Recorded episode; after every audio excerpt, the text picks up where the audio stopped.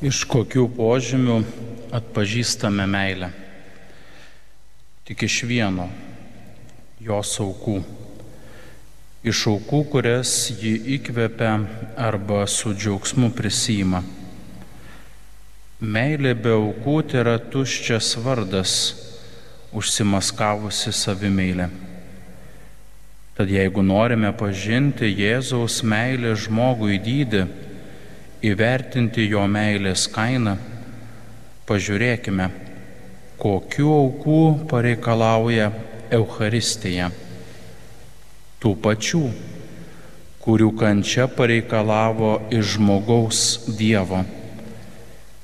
Čia kaip ir tenai, Jėzus Kristus paukoja savo pilietinį, prigimtinį ir dieviškai gyvenimą. Per kančią, į kurią jis stumė didžiulę meilę mums, Jėzus Kristus buvo paskelbtas už įstatymo ribų. Jo paties tauta jo išsigynė. Jis buvo apšmeištas. Jis nepareikalavo, kad būtų išklausyta gynyba.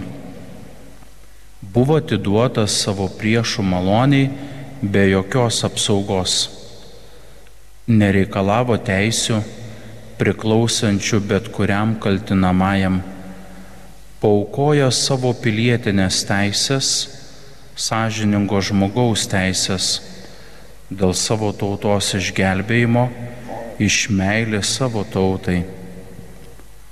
Euharistijoje Jėzus ir vėl aukoja savo pilietinį gyvenimą. Čia jis neturi jokių teisių įstatymas jo nepripažįsta. Jam, žmogumi tapusiam Dievui, žmonių giminės gelbėtojui, vargu ar skirtas bent vienas žodis kodeksuose tautų, kurias jis yra atpirkęs. Jis gyvena tarp mūsų, o mes jo nepažįstame. Pasavuosius atėjo, o savieji jo nepriėmė.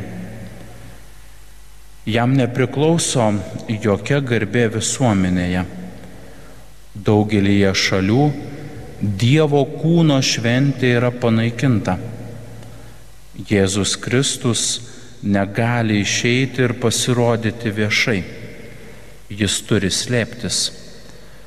Žmogus žmogus gėdėjasi Jėzaus Kristaus. Kaip sako Luko Evangelija, 22 skyrius 57 eilutė, nepažįstu jo. Eucharistijos niekas negina. Ji neturi jokios apsaugos. Jeigu tik nesutrukdote viešai kulto peigų, galite jį užgaulioti, daryti šventvagystę. Tai niekam nerūpi. Taigi iš žmonių pusės Jėzus neturi jokios apsaugos. Galbūt dangus ims jį ginti. Ne. Lygiai kaip pas Kajafą, kaip pas pilotą.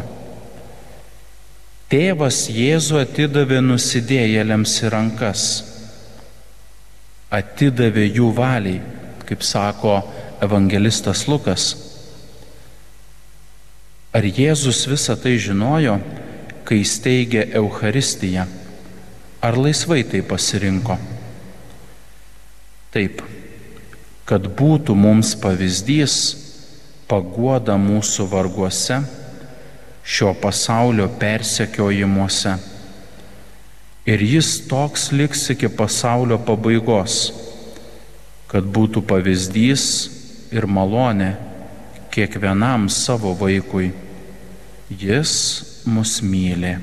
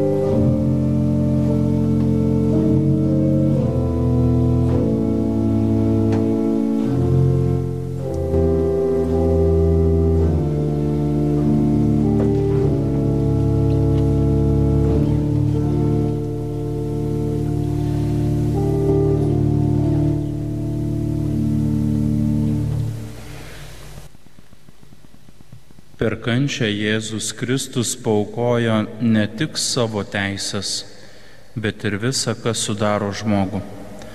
Paukojo savo valią, sielos palaimą, leido, kad ją apimtų mirtinas liudesys, paukojo savo gyvybę ant kryžiaus. Jo meiliai neužteko tai padaryti vieną kartą. Eucharistijoje jis pratęsia šią natūralią mirtį. Aukodamas savo valią, jis, tikrasis Dievas, paklūsta savo kūriniui. Jis vienintelis karalius paklūsta savo pavaldiniui. Jis išvaduotojas paklūsta savo vergui. Jis paklūsta kunigams ir tikintiesiems teisiesiems ir nusidėjėliams. Paklūsta ne, nesipriešindamas ir niekieno neverčiamas, netgi savo priešams ir visiems vienodai paslaugiai. Ne tik per mišes, kai kunigas taria konsekracijos žodžius, bet ir kiekvieną dienos ar nakties akimirką, žiūrint kokie tikinčiųjų poreikiai, jo nuolatinė būsena yra gryno ir paprasto paklusnumo būsena. Ar tai tikrai įmanoma? A, kad žmogus suprastų Euharistijos meilę. Kančios metu Jėzus buvo surištas, prarado laisvę. Čia jis pats save suriša Jis yra sukaustytas nuolatinėmis ir absoliučiomis savo pažadų grandinėmis. Jis sukaustė save duonos ir vyno pavydoluose, su kuriais jį jungia sakramentiniai žodžiai. Eucharistijoje jis negali judėti savo judėjimu, negali veikti savo veikimu kaip ant kryžiaus, kaip kape, nors jis ir turi savyje visą prisikėlusio gyvenimo pilnatvę. Jis visiškai priklauso nuo žmogaus, kaip meilės kalinys. Jam neįmanoma sutraukyti šių saitų, išeiti iš Eucharistinio kalėjimo Jis lieka mūsų kalinys iki laikų pabaigos. Jis tam įsipareigojo. Tokie yra meilės sandorio reikalavimai. Savo sielos palaimos, jos įkvėpimų ir džiaugsmų Jėzus nebegali sulaikyti, kaip tai darė Getsemanėje. Jis yra šlovingas ir prisikėlęs ją praranda tik žmoguje, krikščionyje, nevertame savo naryje. Kiek kartų Jėzus mato nedėkingumą, tiek kartų užgaulė jį paliečia. Kadaise Jėzus apverkė prasikaltusią Jeruzalę. Mus jis myli kur kas labiau kiek ašarų Jėzus išlietų sakramente, jeigu galėtų verkti. Pagaliau, nebegalėdamas realiai numirti, Jėzus ostijoje yra į mirtį panašios būsenos. Duona ir vynas konsekruojami atskirai, tai primenant kraujo praleimą, vedantį į skausmingą mirtį. Jis duoda save per komuniją. Duona suvalgoma ir vynas išgeriamas. Jie sunaikinami mumise. Galiausiai Jėzui dar grėsia pavojus prarasti sakramentinę gyvybę, kai jį išniekina bedieviai, sunaikindami pašventintą duoną ir vyną nevertai jį priimantis nusidėjėliai jį nukryžiuoja savo sielose, suriša jį su demonu viešpataujančiu juose. Šitaip, kiek tik įmanoma prisikėlusiajam, Jėzus Euharistijoje atnašauja savo prigimtinį gyvenimą. Per kančią jis nepagailėjo savo dieviškojo gyvenimo, nepagailį jo ir Euharistijoje. Mes nematome jo šlovės, didybės ir galios. Tai tik skausmų vyras, prakeiktas Dievo ir žmonių. Izaijas sako, kad jis buvo nebet pažįstamas po spjūviais ir žaizdomis, subjaurojusiomis jo garbingą įveidą. Kančioje Jėzus leido matyti tik savo meilę. Vargas tiems, kas nepanoro jo atpažinti. Reikėjo, kad plėšikas, vagis pagarbintų jo dievystę, ir paskelbtų jo nekaltumą ir kad gamta apverktų savo kurėją. Sakramente Jėzus ir toliau su dar didesnė meile atnašauja savo dieviškasias savybės.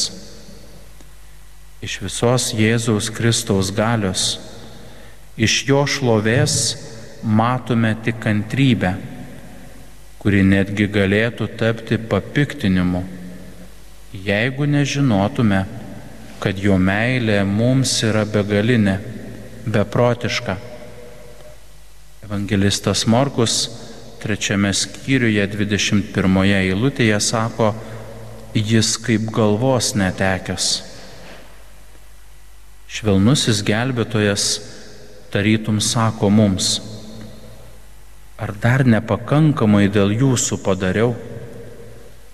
Argi nenusipelniau jūsų meilės? Ką dar galėčiau pridėti? Galvokite, ką dar man lieka paukoti. Vargas tiems, kurie paniekina tokią didelę meilę.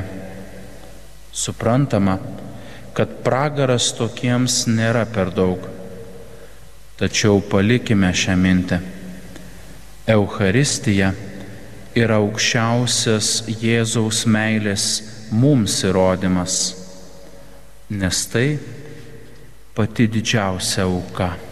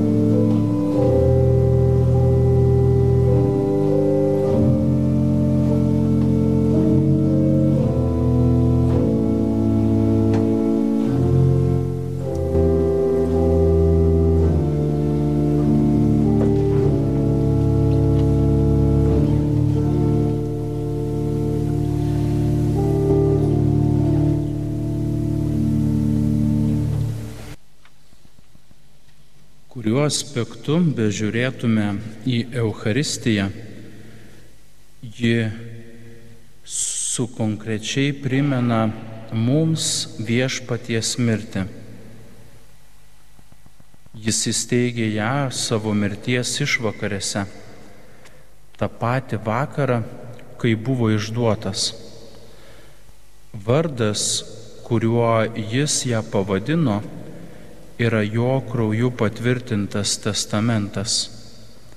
Ši taurė yra naujoji sandora mano kraujyje. Jėzaus būsena mir yra mirties būsena. Apsireikšdamas Briuselyje ir Paryžiuje 1290 ir 1369 metais jis pasirodė su žaizdomis kaip dieviškoji mūsų atnaša. Jis neturi judėjimo, neturi valios, kaip numirėlis, kurį kiti turi nešti. Ji gaubė mirties tyla, jo altorius yra kapas ir jame laikomi kankinių kaulai. Virš jo stovi kryžius, žibintas jį apšviečia kaip apšviečiami kapai, šventąją ostiją dengiantis korporalas yra naujoji drobulė. Kai kunigas ruošiasi šventai mišių aukai, jis užsivelka mirties ženklus. Visi jo šventi drabužiai papuošti kryžiais iš priekio ir iš nugaros Visur mirtis, visur kryžius. Tokia yra Euharistijos būsena, jeigu apmastume ją pačią savaime. Jeigu apmastume ją kaip auką ir komuniją, tai vis tiek mirtis ir dar labiau juntama. Kunigas sakramentinius žodžius taria atskirai ties duonos medžiaga ir atskirai ties vyno taip, kad jau patys žodžiai reiškia, jo kūnas turi būti atskirtas nuo kraujo, o tai ir yra mirtis. Jėzus Kristus iš tikrųjų nenumiršta tik todėl, kad yra šlovingas ir prisikėlęs bet jis paima iš mirties viską, ką tik gali. Paima jos būklę, mes jį matome kaip už visus paukotą vinėlį. Šitaip Jėzus Kristus mistinę savo mirtimi pratėse kryžiaus auką, kuri atnaujinama tūkstančius kartų už pasaulio nuodėmes. Komunija užbaigia gelbėtojo mirtį. Komunija priimančio žmogaus širdis tampa jo kapu, nes duona ir vynas natūralios šilumos veikiami ištirpsta ir nustoja būti sakramentas. Jėzus ostijos mumise kūniškai nebėra tai sakramento mirtis, deginamosios atnašos sunaikinimas. Šlovingas kapas teisėjo širdyje, negarbės kapas nusidėjolio širdyje. Pirmajame viešpats prarasdamas sakramentinę būseną palieka savo dievystę savo šventąją dvasę ir per tai prisikelimo užuomasgą. Tačiau nuodėmingoje širdyje Jėzus neišgyvena. Euharistija nepasiekia savo tikslo. Komunija tampa profanacija. Viešpats miršta žiauriai ir neteisingai nukryžiuotas naujų budelių. Kodėl viešpats panoro taip artimai susijęti Euharistijos sakramentą ir savo mirtį? Pirmiausia tam, kad mums primintų, kokią kainą sumokėjo už savo sakramentą. Euharistija iš tikrųjų yra Jėzaus mirties vaisius. Euharistija yra testamentas, palikimas, kuris gali turėti kokią nors vertę. Tik jeigu testarijus miršta. Taigi, Jėzus turėjo mirti, kad jo testamentas galiotų. Todėl kas kart, kas kart, kai esame Euharistijos akivaizdoje, turime sakyti, šis brangus testamentas Jėzui Kristui kainavo gyvybę. Ir tai rodo jo didžiulę meilę, juk jis pats yra pasakęs, jog nėra didesnės meilės, kaip gyvybę už draugus atiduoti. Jėzus miršta tam, kad man paliktų, iškovotų Euharistiją. Štai aukščiausias jo meilės ženklas. Kiek žmonių pagalvoja apie šią Euharistijos kainą? O juk Jėzus mums apie tai kalba. Bet mes, kaip išlepinti vaikai, galvojame tik, kaip pasinaudoti turimais turtais, nesusimastydami apie tą, kuris mums juos įgyjo savo gyvybės kainą. Be to, jis nori nuolat mums priminti, kokie turi būti Euharistijos padariniai. Pirma, mes mirštame nuodėmiai ir savo įdingiems polinkiams. Antra, mirštame pasauliui ir esame nukryžiuoti kartu su Jėzumi Kristumi, kaip sako Šventasis Paulius laiške Galatams, šeštas skyrius, keturiolikta eilutė. Pasaulis man yra nukryžiuotas ir aš pasauliui. Trečia, mirštame savo patiems, savo skonėms, troškimams, jutimams, kad apsivilktume Jėzumi Kristumi taip, kad Jis gyventų mumise, o mes būtume tik Jo nariai, paklūstantis Jo valiai. Ir pagaliau, mes turime dalį šlovingame prisikelime. Jėzus Kristus pasėja save mumise. Šventoji dvasia atgaivins tą sėklą ir per ją sugražins mums gyvybę. Ir tai jau bus šlovingas gyvenimas, kuris niekada nesibaigs. Tai tik keletas priežasčių, kurios paskatino Jėzų apsukti mirties ženklais gyvenimo sakramentą, kuriame jis yra pašlovintas, kuriame jo meilė nugali. Jis nuolatos nori mums priminti, kiek brangiai mes jam kainavome ir ką turime daryti, kad atitiktume jo meilę. O viešpatie, tarkime kartu su bažnyčia, tu palikai mums savo nuostabiame sakramente tokį gyvą savo kančios atminimą.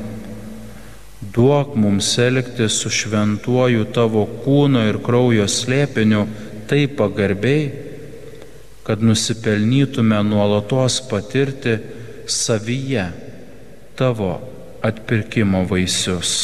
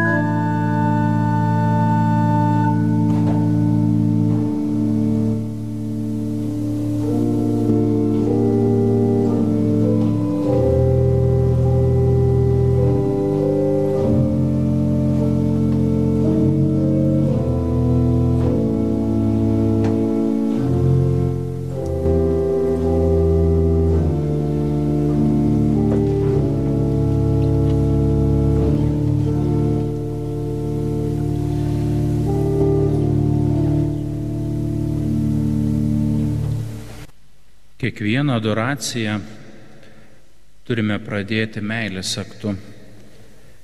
Ir tai bus gardus jūsų sielos atsiverimas jo dieviškajam veikimui. Tik dėl to, kad pradedate nuo savęs, sustojate pusiaukelėje. Arba jeigu pradedate kurią nors kitą darybę nei meilė, pasirenkate klaidingą kelią. Juk vaikas, juk vaikas apkabina motiną pirmiau, negu jai paklūsta. Meilė yra vienintelis širdies duris. Norite būti taurus meilėje? Kalbėkite su meile apie ją pačią. Kalbėkite su Jėzumi apie jo dangišką į tėvą, kurį jis taip myli. Kalbėkite apie darbus, kuriuos jis nuveikė jo šloviai ir pradžiuginsite jo širdį. Ir jis jūs dar labiau mylės. Kalbėkite su Jėzumi apie jo meilę visiems žmonėms. Tuomet jo ir jūsų širdis trikš laimė ir džiaugsmu. Taigi, tikroji meilės paslaptis yra užmiršti save, kaip užmiršo šventasis Jonas Krikštytojas ir aukštinti bei šlovinti viešpati Jėzų. Tikra meilė žiūri ne to, ką jie atneša, bet ko nusipelno mylimasis. Tuomet Jėzus su jumis kalbėsis apie jūs. Jis išsakys savo meilę jums ir jūsų širdis kleisis šitos saulės spinduliuose, kaip sudrėkusi ir sušalusi per naktį gėlė atsiveria patekėjus dienos šviesuliui. Jo švelnus balsas, jo švelnus balsas persmelks jūsų sielą, kaip ugnis persmelkia kūną Jūs klausysitės jo nutilę, o tiksliau apimti maloniausio ir stipriausio meilės veikimo. Jūs klausysitės jo nutilę, o tiksliau apimti maloniausio ir stipriausio meilės veikimo.